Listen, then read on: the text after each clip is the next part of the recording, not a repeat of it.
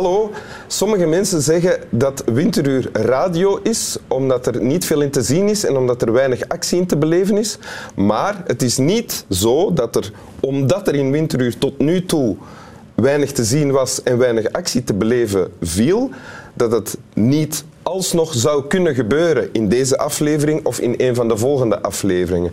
Dus Vlaanderen, blijf kijken naar Boris, uw gastheer Wim Helsen en mijn gast van vandaag, Herman Koch. Welkom in Winteruur. Dank je. Hallo. Herman Koch, uh, ooit tv-maker van legendarische programma's als Jiskefit ja. en Debiteuren, Crediteuren, waarvan uh, mijn generatie uh, in alle geval enorm genoten heeft. En ook schrijver van uw bekendste boek bij ons, alleszins, is Het Diner. Um, voilà, daarmee heb ik u ongeveer ingeleid, denk Ja. ik. Vader ook van één zoon? Ja, van 23, Pablo. Ja, Pablo. Ja. Want uw vrouw is van Spaans. Spaans. Ja. Dus dat verklaart. Oké. Ja, want ik vind niet dat je een zoon Pablo mag noemen als met twee Nederlandse of twee Vlaamse ouders, toch? Nee, dan zou je dat hoor je ook wel moeten eens. heten of ja, zo. Ja, ja, vind ik ook. Je hebt een tekst meegebracht. Wil je die voorlezen? Prima. Het gedicht Droom van Gerard Reven. Vannacht verscheen mij in een droomgezicht mijn oude moeder. Eindelijk eens goed gekleed. Boven het woud waarin ze met de dood wandelde, verhief zich een sprakeloze stilte. Ik was niet bang. Het scheen mij toe dat ze gelukkig was en uitgerust. Ze had kralen om die goed pasten bij haar jurk. Voilà. Het nadert tot u van Gerard Streven. Ja. Wat, wat staat hier?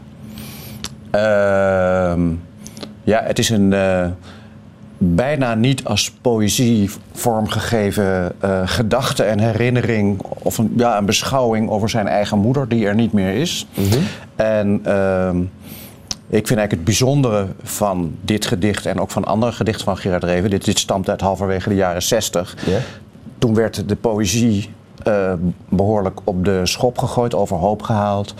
En toch kwam daar als eerste uit, kwam er, wat ook heel verfrissend was, allerlei ironie van het dekseltje van, het, van Cees Budding. Bijvoorbeeld het dekseltje van het Heinz sandwich spread potje blijkt dus ook te passen op het enzovoort. Ik weet het gedicht niet meer uit mijn hoofd. Maar het goede is van Gerard Reven dat hij het ook eigenlijk de poëzie bijna proza maakt maar de ironie achterwege laat. Het, zijn toch, het is toch heel gevoelig en het raakt je op een bepaalde manier. Tenminste mij. Dat gebeurde bij, bij u toen u dit voor het eerst las dan? Ja. Terwijl ik moet ook nog erbij zeggen dat ik eh, van huis uit helemaal geen gedichtenlezer ben. Toen niet en nu niet. Maar ik was heel erg gegrepen rond mijn 16e, 17e door Gerard Reven. En dan vooral door de boeken Op weg naar het einde en het vervolg hierop. Nader tot u. Ja, en die gedichten stonden achterin. Dus als je het boek dan uit hebt, dan denk je, nou, laat ik die gedichten dan ook nog maar Dus lezen. dat is de manier voor dichters om gelezen te Ja, worden. ja, heel goed. Want ik, niet trouwens, ik moet zelf altijd zeggen dat ik zelfs het vaak eh, eh, hinderlijk vind of een beetje storend als ik een, een proza-tekst lees en dan zie ik opeens op de volgende pagina wordt dat onderbroken door een gedicht of door een songtekst. En dan denk ik, oh god, dan krijgen we dat. Bijna of je een soort reclameblokje krijgt of een commercial. Ja? het irriteert me echt. Ja. Oh, ja, ik, ik heb liever bij proza dat het gewoon doorgaat. En dan denk ik, oh, dan moet ik nu die dichtregels gaan lezen. Nou, vooruit. En dan doe je dat en valt het dan toch nog mee? Of begrijp je dan dat het daar staat? Of, of Mm. blijft het storen? Nee, het stoort, het stoort natuurlijk niet, maar het, het, het houdt wel op. Ja. Ja. En hier is het gewoon, kijk, ik was toen zo eh, in die tijd eh, zo fan en gegrepen door eh, Gerard Reven. Dat je denkt, ja, je hebt dat boek uit. Er is voorlopig de komende paar jaar waarschijnlijk geen nieuw boek van hem. Dus dan als een soort dessertbonbonnetjes en eet je dat hele schaaltje met die gedichten ook nog wel leeg na een zware maaltijd. En wonder boven wonder, je vond sommige gedichten echt heel mooi. Ja, ik vond ze allemaal wel mooi. Ah, ja, ja, oké. Ik moet zeggen dat ik zelf toen... Oh, ik heb dus eigenlijk misschien in mijn leven vijf of tien gedichten geschreven. Ah? En dat het allemaal eh, een beetje de, een lichte imitatie was van zijn manier van dichten. Ik heb ze ook, ook wel voor gezorgd dat ze allemaal weggegooid zijn. En niet, kunnen ze niet... ze- kunnen ze niet, ze zitten ook niet onder in een doos. Dat zou mij verbazen. Ja, als, die, als ik ooit nog terug zou vinden. Ja. Maar uit die gedichten van Gerard Reven heb je dan dit gedicht gekozen. ja. Waarom? Wat, wat spreekt je aan in dit gedicht? Ehm, ja, ik vind het zo'n eh, zo'n lieve en bijzondere gedachte over een moeder. Een eh, gedachte van vooral dat, dat laatste zinnetje. Ze had kralen om die goed paste bij haar jurk.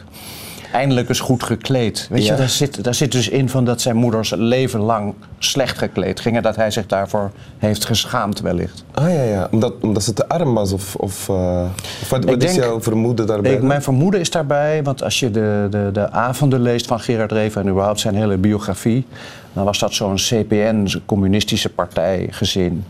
En eh kledingsmaak bij communisten was nooit echt goed Ah, ja, ja, ja. ontwikkeld, volgens mij. Ja, ja, ja, ja, ja. Wat mij... Kijk, wat, mij... eh, Wat ik raar vind in het gedicht, en is dat zinnetje, ik was niet bang. Dus uit het hele gedicht, kijk, het staat daar ook geprojecteerd, vandaar Ja. dat ik naar daar kijk. Oké, ja, ja. Eh, ik was niet langs u heen gewoon in de verte aan het staren. Mhm. Eh, je zou dat zinnetje kunnen weglaten hè, en dan Ja. is het nog altijd een, een liefdevol gedicht voor, voor de moeder.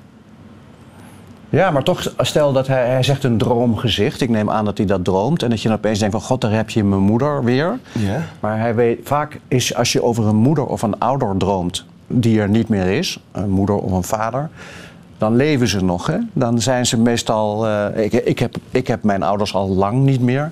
Ja. En dan zijn ze meestal in levende mate. Maar hier realiseert hij, hij zich tijdens de droom dat ze met de dood wandelt. Dus ze is ook echt dood. Dus hij zegt: Ik was niet bang, volgens mij. Maar waarvoor is hij dan niet bang? Voor de dood? Voor Of- de dood, denk ik. Ah ja. Dat hij denkt van we zitten nu, misschien ben ik zelf ook wel dood, denkt hij dan. Als ik, als ik mijn moeder nu kan zien.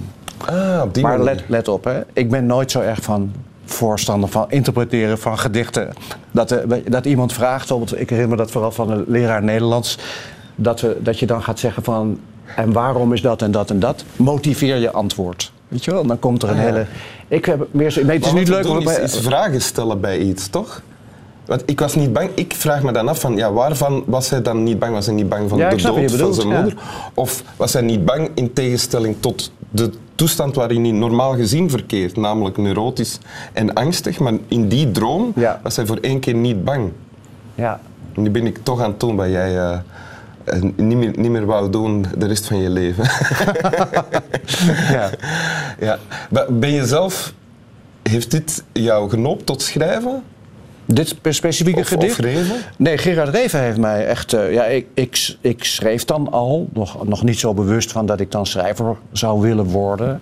Maar laten we zeggen dat ik altijd met plezier, of vanaf de, de lagere school, met plezier verhalen heb geschreven en ook verteld.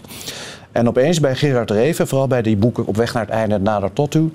Het is een beetje, was het voor mij de ontdekking, zoals het misschien voor een. eh, voor de punk voor de punker moet zijn geweest dat je denkt, je ziet allemaal bandjes en symfonische rock en het wordt steeds ingewikkelder. En dat je opeens denkt, we gaan weer terug naar drie akkoorden en we zingen vals en we spelen ook nog vals. Dat wil ik niet zeggen dat Gerard Reven dat proza had, maar opeens besefte ik dat je ook over niets kon schrijven. Oh ja. En dat heeft hij zo knap gedaan. Dat je dus geen plot nodig had, dat je gewoon kon beginnen. En zijn manier van schrijven was gewoon, ik ging op de brommer van een feestje, s ochtends in de vrieskou, reed ik terug van Laren naar Amsterdam. En dan ontspon zich een heel verhaal. Toen dacht ik, ja natuurlijk, zo. Ah ja, dus Wil ik ook. drempels weg om te Het haalde drempels weg, precies Ah, dat. Ja, ja, ja. Ja. Opeens was ik helemaal los door hem. Oké. Wil je het nog eens voorlezen? Ja? Uit het boek of van de ding? Of... Uit het boek. Goed. Droom. Vannacht verscheen mij in een droomgezicht mijn oude moeder. Eindelijk is goed gekleed. Boven het woud waarin ze met de dood wandelde, verhief zich een sprakeloze stilte. Ik was niet bang. Het scheen mij toe dat ze gelukkig was en uitgerust. Ze had kralen om die goed pasten bij haar jurk. Punt. Dank u wel. Oké. Slaap wel. De mensen in België zetten nu de tv uit en gaan slapen. Daarom zeg ik slaap wel. Oké, ja. Wel te Je moet hem uitdoen, maar er komt natuurlijk nog allerlei herhalingen van, van Guls en gasten en allerlei dat dingen beginnen ja, dan. maar de, de meeste mensen kijken naar winteruur, zetten de tv uit, Ja. mijmeren wat na en gaan dan in hun bedje liggen. Ja, vind ik ook. Leuk, ja. hè? Ja. Ja. Dat is onderzocht, hè? Dat is onderzocht. Natuurlijk, Ja. ja.